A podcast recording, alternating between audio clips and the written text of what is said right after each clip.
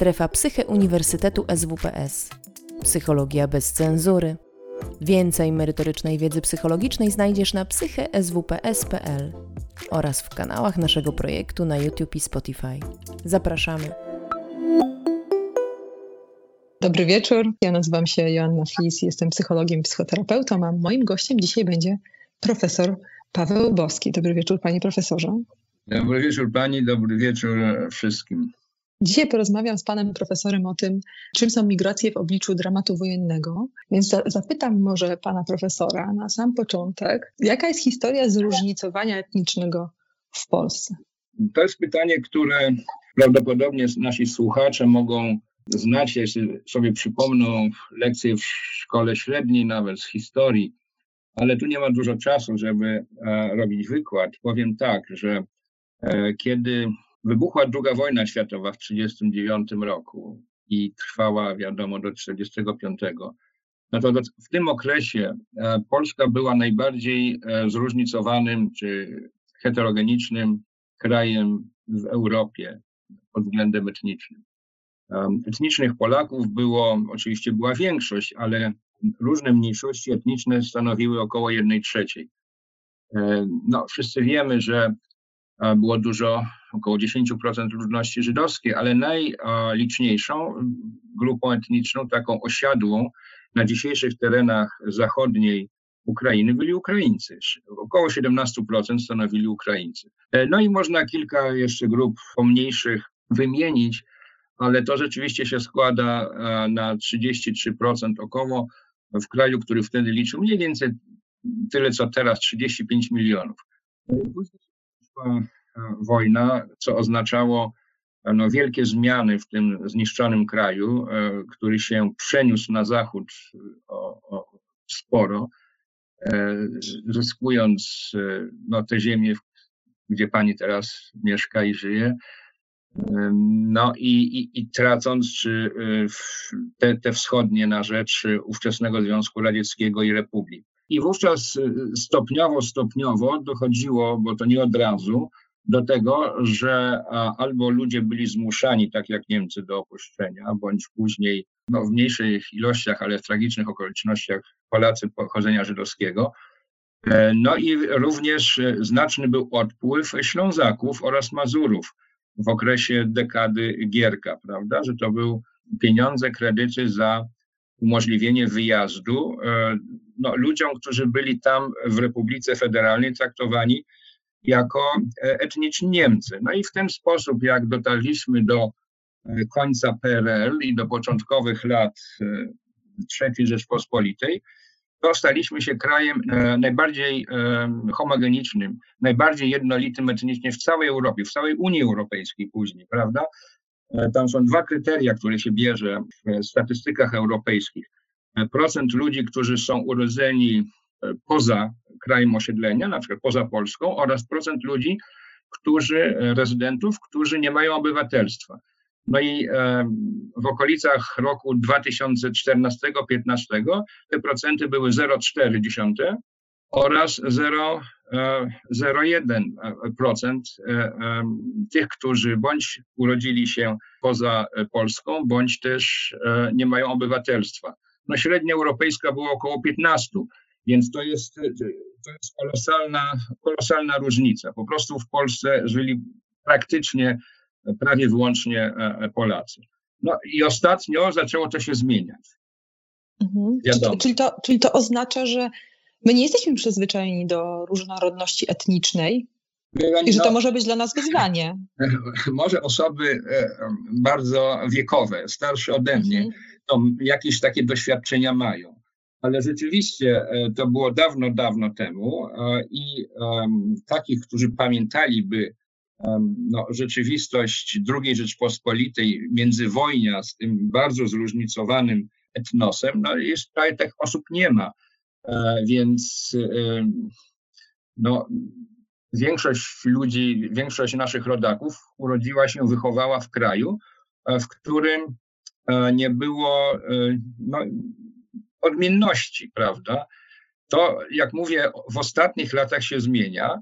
E, przed tą e, tragiczną wojną, e, w zasadzie po Majdanie, mieliśmy już, więc ostatnie 8 lat to jest znaczna imigracja Ukraińców z celów, ze względów nie politycznych, ale, ale głównie ekonomicznych. No także przed COVID-em mieliśmy ponad półtora miliona pracowników z Ukrainy, a więc studentów ukraińskich około 70 tysięcy. Prawda? Mhm. Więc to, to się zaczęło zmieniać ostatnio, no a teraz ostatnie dwa tygodnie, no to wiemy jak jest.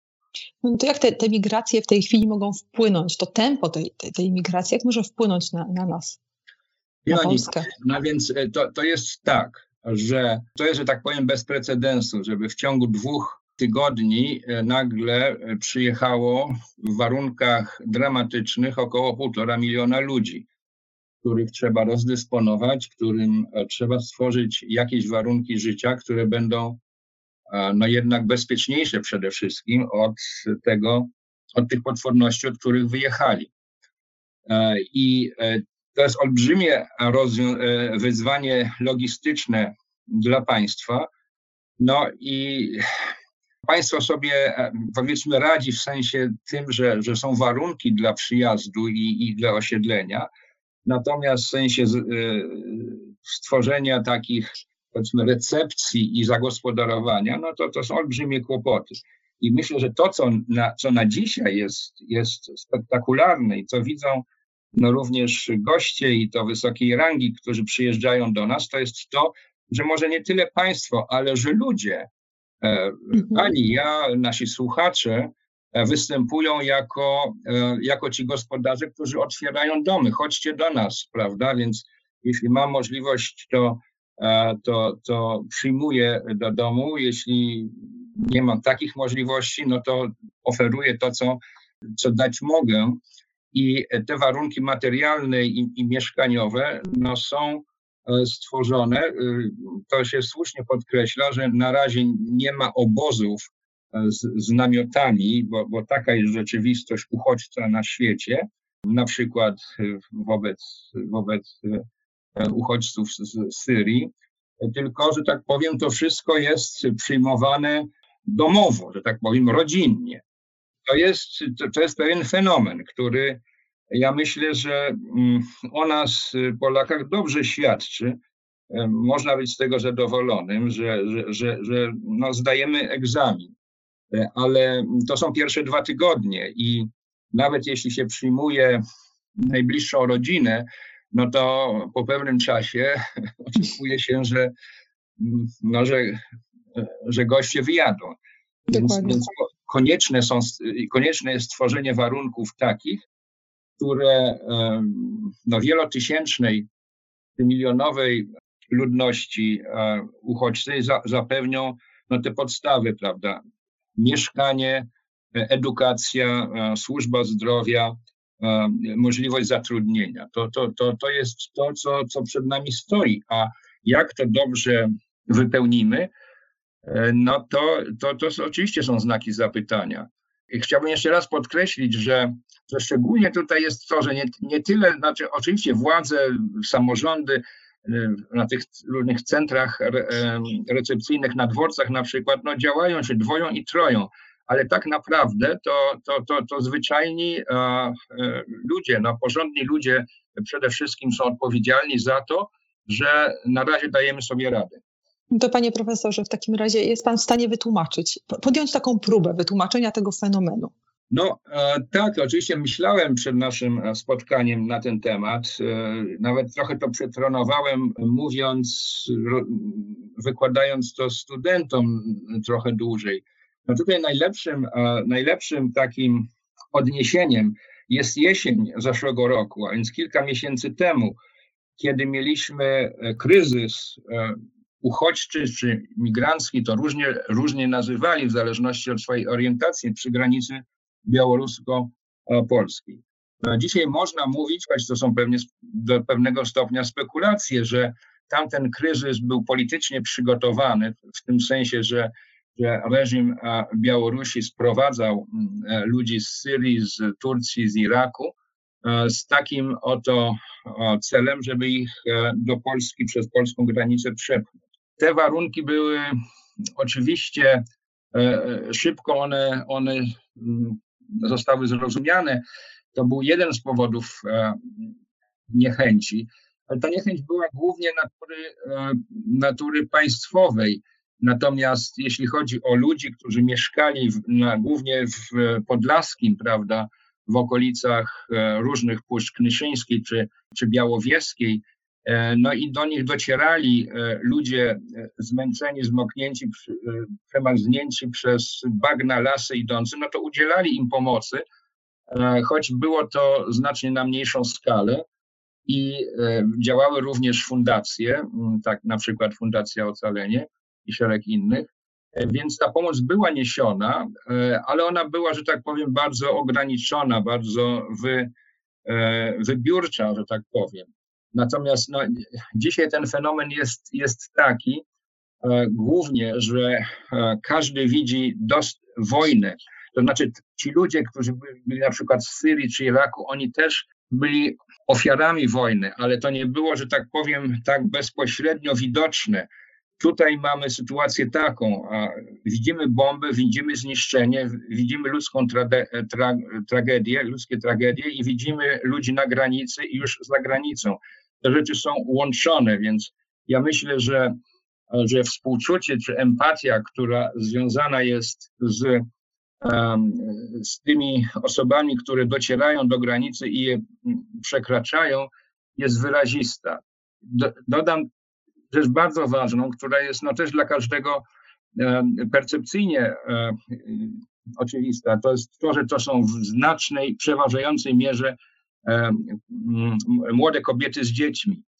Mhm. Ja, ja sam w jednym ze swoich pomieszczeń no, mam trzy, trzy młode matki z szóstką dzieci i na dworcach, jeśli to widzimy na peronach, sytuacja jest bardzo podobna. A więc matki i małe dzieci, no, że tak powiem, w większym znacznie stopniu wyzwalają skłonności e, prospołeczne, pomocowe, niż no jednak, co by nie mówić, w większości młodzi mężczyźni, których widzieliśmy przy granicy polsko-białoruskiej, e, często rzucający jakieś przedmioty i tak dalej. Mhm. E, więc e, czy byli sprowokowani, czy nie, ale to, te fakty były widoczne.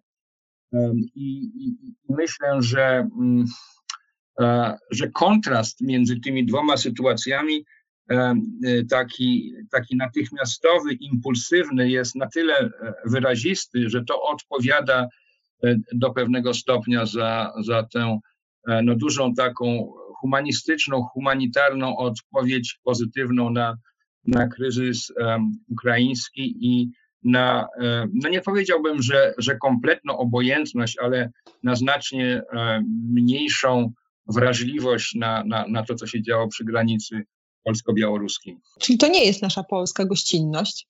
No bo jest Wie dużo pani, takich no, głosów, które mówią o tym, że my mamy to, to w genach, nie? Tak, no, no w genach to jest za dużo. Ja, ja, bym, ja bym nie powiedział, że jeśli może nie w genach, ale w memach, no mhm. to, to, to, to, to jest tak, że, że ta, ta gościnność mm, jest, tylko ja bym, wie pani, powiedział tak, że w stosunku do tych no, większości matek z dziećmi to jest no, gość w dom, Bóg w dom, tak to tradycyjnie się mówiło. Natomiast w przypadku osób, które przekraczały często w fatalnym stanie granicę polsko-białoruską, to było może trochę na zasadzie tak jakby partyzantów przyjmować, ale cicho, żeby nikt nie widział, żeby nikt nie słyszał. E, dobrze, ogrzejcie się, weźcie coś do jedzenia i, i, mhm. i do widzenia, prawda? Bo to jest trochę ryzykowne, może ktoś doniesie, może tak, tak to wyglądało. No, krótko mówiąc, to, to nie jest tak, że ludzie nie są aniołami i, i różne sytuacje przynoszą różne psychologiczne odpowiedzi. Oczywiście są tacy, którzy prawdopodobnie okażą dobroć e, wszystko jedno, czy to będzie Irakczyk bądź e, Syryjczyk, czy to będzie ktoś e, z, z Ukrainy. Ale no, są tacy ludzie, którzy to różnicują. Okej, okay, jeszcze się tego uczymy. Mam nadzieję, że to jest proces. No tak, no, no znaczy te okoliczności są różne. No, że dodam jeszcze coś takiego, no, że to też jest taka no, wręcz banalna prawda psychologiczna, że nieprzyjaciel mm, czy, czy napastnik, czy wróg a, a, a, mojego przyjaciela jest, jest wrogiem, albo jeśli mamy wspólnych, wspólnych nieprzyjaciół, czy jesteśmy zagrożeni przez wspólnego wroga, no, mhm. przez Rosję w tym wypadku, ten proces trwa od, od dość dawna. relacje polsko-rosyjskie są nie od dziś e, no, napięte. To wówczas e, mamy no, Ukraińców, którzy też e, cierpią. No, więc oni są zagrożeni jeszcze, jeszcze bardziej niż my, ale jest niepokój, że może my będziemy następni. Mhm. W związku z tym ta solidarność, że tak powiem, rozlewa się na mm, na innych podobnych do nas, prawda? Którzy, na wspólny którzy, cel też. Którzy mają e, no, wspólnego nieprzyjaciela. Tak? Więc to, to na mhm. pewno tak jest. To co nas czeka w takim razie? Jakbyśmy przeszli teraz do tego wątku związanego z, ze zróżnicowaniem etnicznym w Polsce, co się będzie działo? Co, co pan profesor przewiduje? Pani, no więc będzie się działo to, że jeśli e, jak powstaną w Eurostacie statystyki na rok 2022, no to Polska nagle się wywinduje na, mhm. na, na, no nie wiem, na, może nie na, na czoło, ale w każdym razie znacznie e, przeskoczy kilkanaście krajów w zakresie e, no, um, osób, które, które nie są etnicznymi e, Polakami, a stały się no tutaj rezydentami. Ale ta sytuacja jest, jest dynamiczna. No nie wiadomo, jak jeszcze ilość tych osób przekraczających czy ona dojdzie na przykład do dwóch milionów. Oczywiście scenariusze są takie, że niektóre z tych osób wrócą na Ukrainę. Kiedy wrócą i w jakiej ilości, to, zależności, to, to zależy od tego, no to po prostu Ukraina w dzisiejszym kształcie e, wygra, no w każdym razie nie przegra z Rosją. I czy na ile będzie zrujnowana jeszcze bardziej niż teraz. Ja myślę, że, że to jest tak, że, że są pewne proporcje e, w, w sytuacjach E, podobnych, wojennych. Powiedzmy, również sądząc o Polakach na II wojnie światowej, którzy byli przemieszczani albo, albo wysiedlani i tak dalej, że e, no przynajmniej jedna trzecia osób wraca e, do swoich, do rodziny, do domu, do, do swojej ziemi i tak dalej. No ale są też tacy, którzy, którzy nie będą chcieli wracać, bo nie będą mieli do czego, bo będą uważali, że, że jest to katastrofa i trzeba sobie radzić w życiu, więc zostaną w Polsce i będą tacy, którzy będą chcieli, będą prawdopodobnie mieli ułatwienia w innych krajach Unii Europejskiej i się tam przemieszczą do krajów trzecich. Więc mhm. takie są, takie są trzy scenariusze i to się będzie zmieniało, więc y, osoby, które będą chciały mm, no, wrócić, to może nastąpić e, w tym roku, ale, ale w zależności od tego, e, co będzie e, na froncie za, za, za dwa tygodnie czy za miesiąc. I to zawsze tak jest. Tak było na przykład w trakcie wojny bałkańskiej w, w latach 1991-95 mieliśmy no, nie, około 20 tysięcy ludzi z Chorwacji, którzy wrócili po tym, jak się ta wojna tam skończyła. Więc no cóż, y, powiedzmy, są takie trzy kategorie osób, wracają, zostają w Polsce, jedą dalej.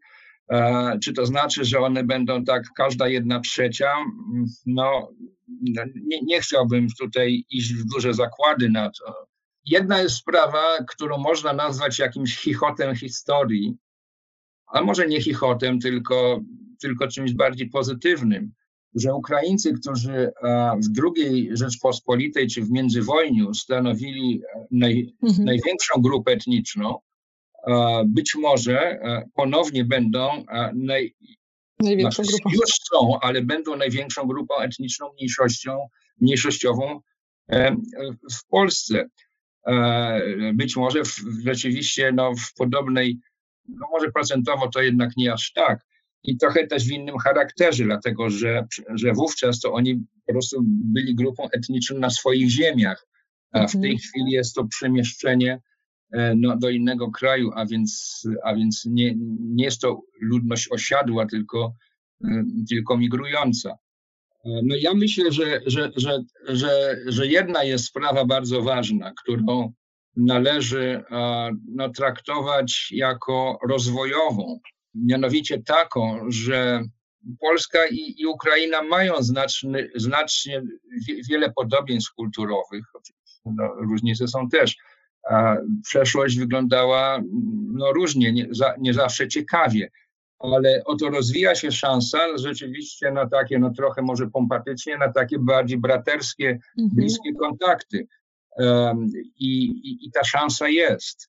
A jakie przeszkody y, przed nami stoją? No, takie pani, kulturowe jest, różnice? Tak, no, w tej chwili to jest tak, że my jesteśmy ci bogatsi, tym, którym się lepiej powodzi, i wtedy zawsze jest łatwiej okazywać, mhm. no, że tak powiem, rodzaj dobroci tym, mhm. którzy, którym jest gorzej, prawda? Ale jeśli by się to wyrównywało, no to wtedy jest inaczej, bo to mogą być, może powstawać konkurencja, rywalizacja i tak dalej.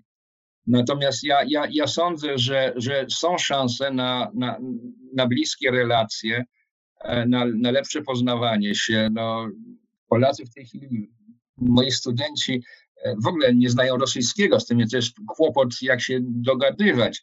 No być może ukraiński stanie się językiem mhm. popularnym, a ja myślę, że to dobrze by było, żeby, no, żeby się uczyć ukraińskiego, bo bo te kontakty będą, e, będą bliskie e, i, i, i to zawsze ułatwia.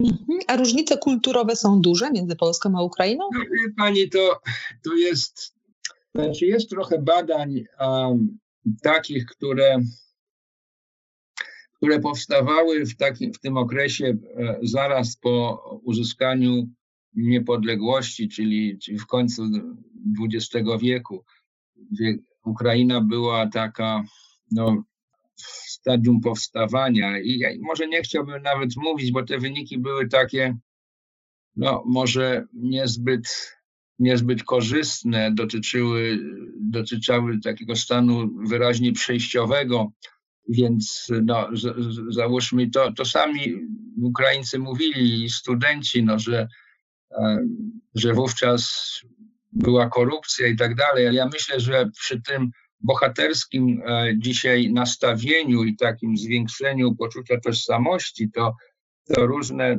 niekorzystne te elementy, które w badaniach były e, stwierdzane, e, mogą zanikać. Może ja powiem o takiej jednej sprawie, która jest wynikiem badań ostatnich, takich i to porównawczych, zupełnie niezwiązanych z wojną ale porównując, mieliśmy tam grupy, byli Polacy w tych badaniach, Ukraińcy, ale też na przykład Hiszpanie. To, czym się wyraźnie odróżniali od, od innych Ukraińcy, i to w większości były kobiety, e, to jest taka, że tak powiem, siła i wartości związane z dbaniem o, o, o, własne, o, o własne życie, o przetrwanie, znaczy siła mhm. przetrwania ciężkie warunki. Co teraz widać? Które, ciężkie warunki, które, które u ludzi wzbudzały e, przekonanie i taką siłę, że ja muszę sobie dać radę, że ja muszę być twardy czy twarda mhm. i muszę przetrwać e, w większym stopniu niż, niż w Polsce. No, czy to się może przydawać obecnie? Pewnie się może przydawać, bo są mhm. warunki ekstremalne e, i, i, i one skłaniają do walki, do bohaterstwa ale też no, proszę się zastanowić, jak się widzi te, te wiele tysięcy kobiet z małymi dziećmi, które jadą same albo mhm. jadą, że tak powiem, jako siostry ze sobą. Nie, mhm. nie ma mężczyzn. Ja myślę, że, że, że, że Polki jednak byłyby bardziej skłonne, czy lepiej by się czuły, żeby mieć, no nie zawsze, ale jednak te jakieś męskie ramię obok. A tutaj te kobiety wyjeżdżają same i są dzielne dzielne. Po prostu to jest, to jest dzielność, która, e, która daje tę siłę przetrwania i, no i to jest oczywiście adaptacyjne dla tych warunków. No dobrze, to w takim razie, panie profesorze, jakie są korzyści dla dużego zróżnicowania etnicznego w danym kraju? Czy to jest pożądany stan? Wie pani, to, to jest tak. Wiele zależności, żeby to trochę tak akademicko zabrzmiało, w psychologii i, i w, pod, w innych naukach społecznych ma tak zwany e, e, kształt krzywoliniowy. To mhm. znaczy, że najlepiej jest umiarkowanie, że e, lepiej jest, jeśli e, jakaś, jakaś cecha, jakaś, um, jakaś kompetencja, no nie wiem, nawet wzrost jest, e, nie jest za mały, nie jest za duży, tylko tak gdzieś, prawda, po środku, przy takiej średniej populacyjnej. I ja myślę, że, że to jest również tak, że całkowita homogenizacja Polski w końcu PRL-u i na początku III Rzeczpospolitej była, była niekorzystna, ponieważ ta zwiększona różnorodność w bardzo różnych obszarach, nawet sportowych, w zespołach. Mhm. Jedna z moich doktorantek się tym zajmuje, e, różnorodnością, stopniem zróżnicowania etnicznego drużyn piłkarskich. Prawda? Mhm, to ciekawe. No to ciekawe. E, więc są takie, gdzie jest tych graczy z całego świata mniej lub więcej. I to ma konsekwencje. Ma na ogół konsekwencje e, pozytywne, ale to zależy od, od, od stylu gry i tak dalej. Nie będę w to wchodził.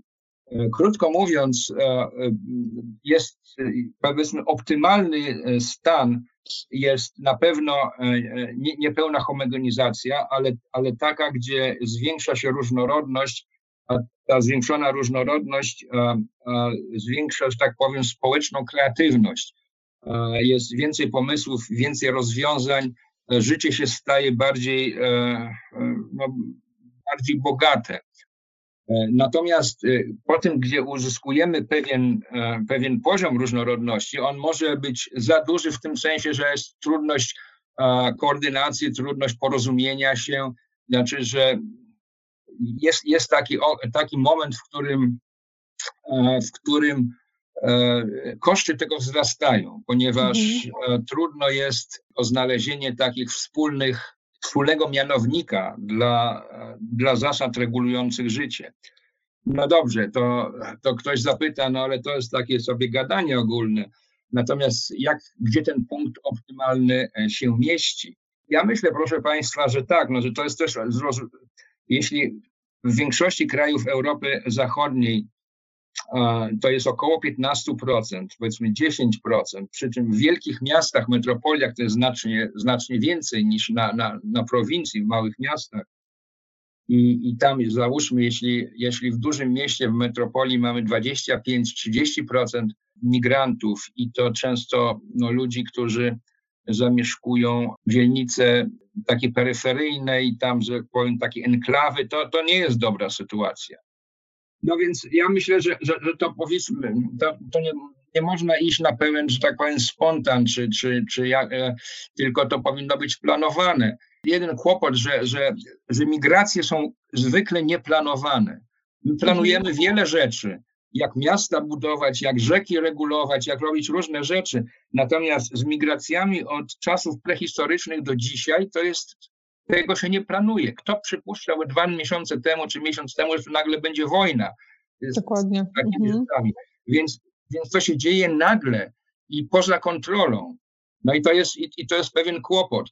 E, natomiast ja, ja myślę tak, jak, jak na przykład też na uniwersytecie jest kilkanaście procent studentów zagranicznych, to to jest dobre. E, mhm. To, to, to zwiększa, e, wie pani, no jak mam klasę angielskojęzyczną, to ona daje znacznie większe możliwości, ponieważ ludzie mają różne perspektywy niż wtedy, kiedy ona jest stuprocentowo polska. Mhm. Więc, e, więc jest ten punkt optymalny. E, ja nie chciałbym powiedzieć dokładnie, że czy to jest 10 czy 15%. I, i w dodatku w jakim rozłożeniu między centrum a, a, a peryferiami, ale, ale na pewno to jest tak, że jeszcze kilka lat temu myśmy byli e, zbyt homogeniczni. Być może zbliżamy się teraz do, do, do takich, do stanu E, bardziej korzystnego, choć niestety no, w warunkach wojennych, co nie jest samo w sobie mhm. najlepsze. w takim razie co my możemy robić, żeby ta relacja nasza e, z migrantami przebiegała no, bardziej pozytywnie? Jak możemy im pomóc, a jednocześnie pomóc sobie? Bo obserwujemy takie różne sytuacje, gdzie e, wkracza w obszar publiczny no język ukraiński. Więc, mhm. więc to jest tak, że, że, że dzisiaj są, są różne etapy. Dzisiaj pomoc to polega na tym, przyniosę swojego jedzenia, użyczę ci ubranie, usunę się tak, żebyś mógł zamieszkać w moim jednym czy drugim pokoju. To są takie sytuacje kryzysowe, emergencyjne, o których zakłada się, że nie będą trwały bardzo długo, tylko na okres tego najgorszego kryzysu. Natomiast w przyszłości to, to ja bym oczywiście to widział tak, że, że, że to jest no taki powiedzmy ruch otwarty w obie strony, co polega nie tylko na zajmowaniu się czy też ułatwianiu życia imigrantom, ale, e, ale na, na takim przemieszczaniu się między, między dwoma krajami. Oczywiście to jest łatwiejsze wtedy, kiedy dwa kraje są ekonomicznie czy tam pod różnym względem mniej więcej na tym samym poziomie. A jeśli tak nie jest, to to jest mhm. trochę tak jak z przepływem wody czy gazów, że, że, że, to, się, że, że to wyrównanie polega na tym, że z, z warunków gorszych ludzie przyjeżdżają tam, tam, gdzie jest lepiej. No to oczywiście będzie tak przez pewien okres czasu i i może nawet dłużej ze względu na zniszczenia wojenne. Ja myślę, że, że tu bardzo istotną jest sprawą to, że ja się drugi raz o tym mówię, żeby, żeby ta pierwotna pomoc, która ma miejsce teraz dla słabszego i mhm. cierpiącego, nie przeszła w warunkach bardziej normalnych na poczucie wyższości. Mhm. To jest ważne. To jest ważne. Bo no bo teraz ci po, pomagam, bo jestem bogatszy od ciebie, bo, bo mam lepsze warunki życia. I nie mówię ci o tym, ale, ale po prostu no, powinność moralna, czy serce, czy empatia. Ale z czasem to oczywiście może być tak, no dobrze, ale, ale yy, znaczy to poczucie, że wyższości może, może się ukazywać i być yy, no, niekorzystnym psychologicznie mhm, aspektem. Szczegół, szcz szczególnie w takim kontekście, o jakim pan profesor mówił, że, że, że w końcu te osoby też zaczną pracować i, i zajmować różne stanowiska zawodowe i no tak, no tak, dążymy no do tego, żeby nam się wyrównało. I trochę mi się tak. to takie pytanie sunie, czy to jest trochę podobna sytuacja jak, było, jak, jak z Żydami, że nie byli akceptowani dlatego, że byli przedsiębiorczy? trochę się to im zarzucało, tak. nie? Ale no ja się... tak, no, no mhm. tak, tak oczywiście mogło być i tak, tak było, że tutaj było poczucie, że są e, no, bardziej przedsiębiorczy, że, że lepiej sobie radzą i że jest tutaj no, zazdrość i, i, i, i niechęć w ten sposób motywowana. No to musimy uważać, bo przecież e, no, to, zależy nam wszystkim. Zawsze, zawsze trzeba uważać. Natomiast ja myślę, że pani, no najwięcej doświadczeń uniwersytet jest dobrym miejscem i to nie jeden uniwersytet, nie tylko mój, ale wiele innych. Jak prawda, e, w roku 2020 mieliśmy około 70 tysięcy e, ukraińskich studentów przy około 190 tysiącach w ogóle w Polsce. E, ja, ja bym powiedział tak, no oczywiście tutaj te, te relacje no, były i nie dochodziło do jakichś tam scen gorszących, ale jednak e, w większości to, to, to, to studenci ukraińscy byli, no, byli między sobą. No, owszem, no, powstawały też przyjaźnie i pary, ale, ale ja myślę, że, e, no, że taka ta, ta bliskość jest, e, jest sporo do zrobienia. No to, to chodzi, to, to trochę chodziłoby o to, no, że no okej, okay, no jeśli ktoś przyjeżdża ze Szczecina do Warszawy, to jest kilkaset kilometrów i, i, i też są jakieś tam e, różnice regionalne. Jeśli ktoś z mhm. Warszawy jedzie do Żytomierza, do Łódzka, e, już nie mówiąc o Lwowie, no to też to, to chodzi o to, żeby, żeby to nie było poczucie jakiejś takiej no, większej obcości, tylko innymi słowy, żeby ten dystans kulturowy zmniejszać, bo on nie jest dany na stałe, on, on, on może być mhm. zmniejszany. On może być zmniejszany poprzez intensywność kontaktów. Rozumiem. Czyli chodzi o to, żeby się ze sobą spotykać, więc stąd też pan profesor tak. mówi, warto się uczyć języka, no bo też yy, granice... Ja, ja, ja, myślę, że, że to jest... Wie pani, w tej chwili powstają takie samouczki po ukraińsku. Mm -hmm, one, one kursują w, w internecie E, I to, to jest trochę zabawne, ale, ale to jest fajne, że to jest jakieś wyjście w, w interakcję, że, że no nawet nie oczekuję, że ty będziesz mówił po polsku, ale jesteś tutaj u nas, no to ja, e, ja, ja mam w swoim samym łuczku ileś podstawowych takich mm -hmm. słów ukraińskich. I to, Mhm. I, i, I to jest, no, to jest droga. Ja tutaj zadam w takim razie pytanie z czatu w tym kontekście, bo, bo internauta pyta tutaj, czy nie powinniśmy się mieć obaw o to, że spo, spotka nas w cudzysłowie oczywiście rusyfikacja. Czy, czy, czy, czy, czy powinniśmy mieć w związku z tym obawy? To, co, co, co dzisiaj się dzieje na Ukrainie, to jest w jakimś sensie e, no, to jest walka z zdarzeniem nowskim do, do rusyfikacji Ukrainy, więc ja myślę, że e, tożsamość ukraińska jako niezależna od, od rosyjskiej, ona, i to każdy mówi, od, od czasu Majdanu znacznie wzrosła. I myślę, że to nie jest e, niebez, takie niebezpieczeństwo, nawet jeśli mówimy o Ukraińcach e, rosyjskojęzycznych. Ja znam takich, mam takich kolegów, mam kolegów e, w Kijowie, którzy na, na głównym uniwersytecie narodowym Tarasa mhm. Szewczenki wykładają po rosyjsku psychologię. Mhm. Czy wykładali, może dzisiaj to już tak nie będzie. Mhm. No, byłem na, na, na, konferencji naukowej na, na tymże uniwersytecie i jak przyszło to do czego, no to wszyscy buch w rosyjski, a nie mhm. ukraiński. No? Rozumiem. Nie, nie, nie, angielski. Tylko rosyjski. Nie ukraiński, tylko rosyjski. E, mhm. Ale ja myślę, że, że to jest oczywiste, że, że, że ostatnie lata to zmieniają, a ta wojna to, to tym bardziej. A więc ja bym się tego nie obawiał.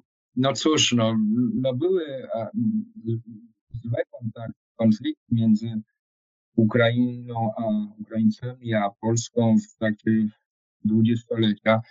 E, no był szczególnie okres e, Woły, na Wołyniu był, był, był, ciężki. No, dzisiaj się no, o tym nie trzeba mówić. Ja myślę, że, że to jest też e, możliwość ułożenia relacji i, i, przekroczenia barier, które, które dzieliły po tej wojnie, będzie to łatwiejsze niż, mhm. niż dotąd. Pan profesor wspominał o, o humanizmie jako wartości. No tak, no bo to jest, wie pan, to jest e, e humanizm, czyli dobroć. No i to w, w pracy e, doktorskiej mojej doktorancji pani e, Mai Baran ona właśnie badała e, orientację humanistyczną, a więc taką życzliwość, pomocność i tak dalej, właśnie w stosunku do, do, do uchodźców, no, których w Polsce wtedy nie było, ale do, powiedzmy do, do kategorii osób, które albo do pewnych postaci. No i okazywało się, że, że to, co, co szczególnie uwrażliwiało, jak powiedzieć, jacy ludzie w tych badaniach, które były prowadzone po kryzy, poprzednim kryzysie 2015-16 uchodźczym z Syrii i tak mhm. dalej. Jacy Polacy, e, i to na bardzo dużych grupach ogólnokrajowych, e, mieli skłonność do tego, aby okazywać życzliwość i chęć e, przyjęcia czy, czy, czy do akceptacji uchodźców. To właśnie byli, były to osoby o wysokim poziomie orientacji humanistycznej. A więc no, tej, tej życzliwości, którą dzisiaj widzimy, tak to trzeba, trzeba zdefiniować. Ciekawe, że jak Maria Baran broniła swojego doktoratu pod koniec 2019 roku, no to w dyskusjach i w recenzjach było, no tak, ale z tym humanizmem to pani Mario, no to jak to jest? Polacy są, walczą, są niechętni i tak dalej. No więc to trzeba, to trzeba było się bronić przed tym. Ale gdyby na przykład dzisiaj ten e, miała obronę tej pracy doktorskiej, byłoby na pewno łatwiej, dlatego że to mhm. jest widoczne. Czyli ta tendencja wartości e, humanistycznej, niesienia pomocy, ona czasami może być w uśpieniu. Są, są pewne warunki, jak dla, dla różnych e, psychologicznych cech zmiennych, że one, że one się otwierają, że w pewnych warunkach są aktywizowane.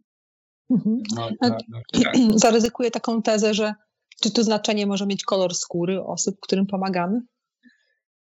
Wie pani. Bo myślę o Syrii, o e, tamtym kryzysie migracyjnym. On, on, on, on, trochę jest inny, ale, ale ja, ja myślę, że, że to jest to, że jeśli e, że osoby, które mają tą tendencję, e, wrażliwość humanistyczną, niesienia pomocy, wrażliwości na niedole, wrażliwości na niedole, to, to, że tak powiem, kolor skóry jest jakby, nie zatrzymuje ich wzroku. To jest człowiek, który cierpi i ja myślę, że, że ci, którzy jesienią na Podlasiu pomagali tym, którzy przez te bagna i lasy przechodzili, no to właśnie tak to widzieli, że to jest y, człowiek cierpiący w niedoli.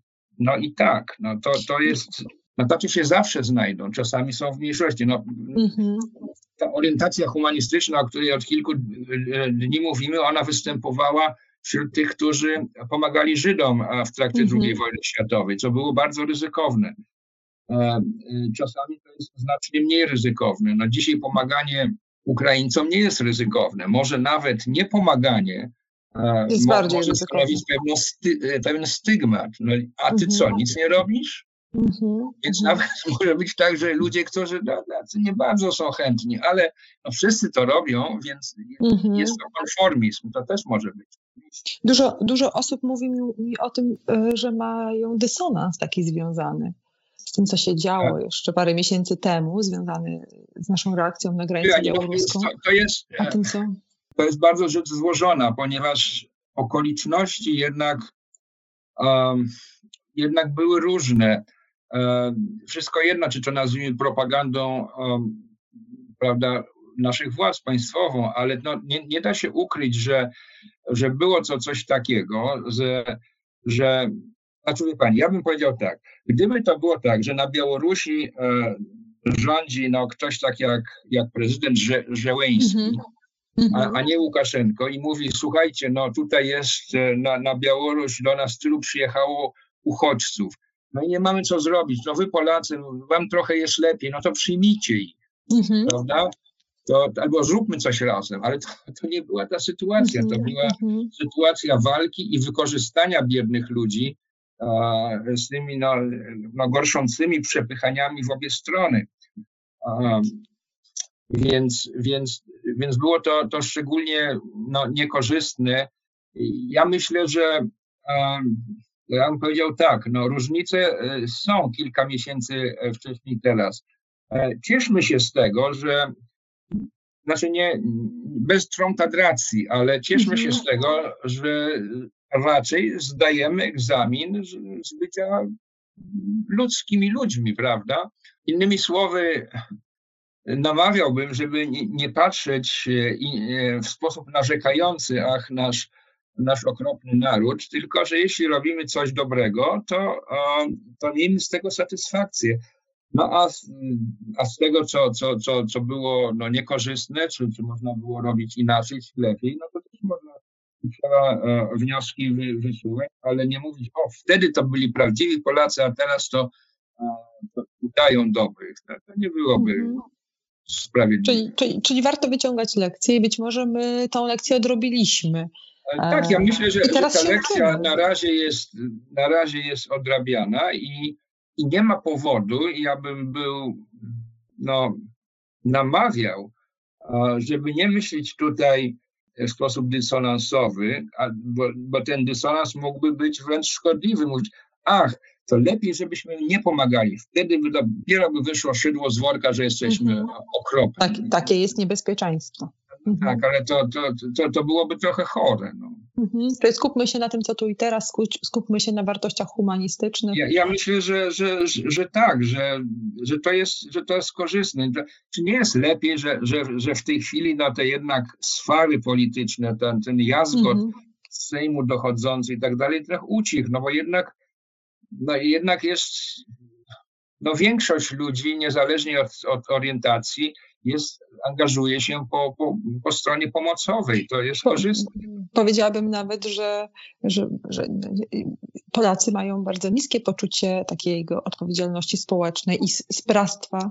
A to jest taka sytuacja, w której orientujemy się, tak. że od, oddolnie mamy to poczucie sprawczości. Tak, to, to, to jest to sprawstwo takie, takie spontaniczne, indywidualne, no w większym stopniu niż rzeczywiście organizacyjno-państwowe. Tak, no ono, ono, to jest sytuacja y, bardzo polska, ponieważ to, co, co, co, co jest fajne obecnie, to jest właśnie ta spontaniczność ludzi, a nie, że tak powiem, dobrze naoliwiona machina państwowa, mhm. która działa. Mhm, dokładnie. Panie profesorze, czy mógłby nam pan polecić jakąś literaturę, którą warto przeczytać, którą pan profesor poleca? Wie pani, że, e, e, że tak, no, e, to jest dobra okazja do promocji. Około 20 e, tego miesiąca wychodzi drugie wydanie mojej książki Kulturowe ramy zachowań społecznych. Ta książka jest gruba, ma 940 stron. Ona porusza niektóre ze spraw, o których mówiliśmy, choć no, w momencie, kiedy ta tragiczna wojna wybuchła, już nie mogłem nic dodawać a chciałem, mhm. no bo, bo świat idzie tak szybko i, i no ta, ta praca e, dotyka, rozdział na temat migracji, akulturacji jest największy w niej. Rzeczywiście jest aktualny, no ale ta aktualność kończy się przed wojną w Ukrainie, więc w pewnym sensie, jak ta książka się ukaże w marcu w tym, e, w tym roku, E, to już będzie trochę historyczne. W takim razie czekamy z niecierpliwością. Dziękuję panu, panie profesorze. Dziękuję e, państwu za, za pytania na czacie i za państwa obecność. Dziękuję serdecznie za, za miłą, interesującą i trochę wyczerpującą rozmowę.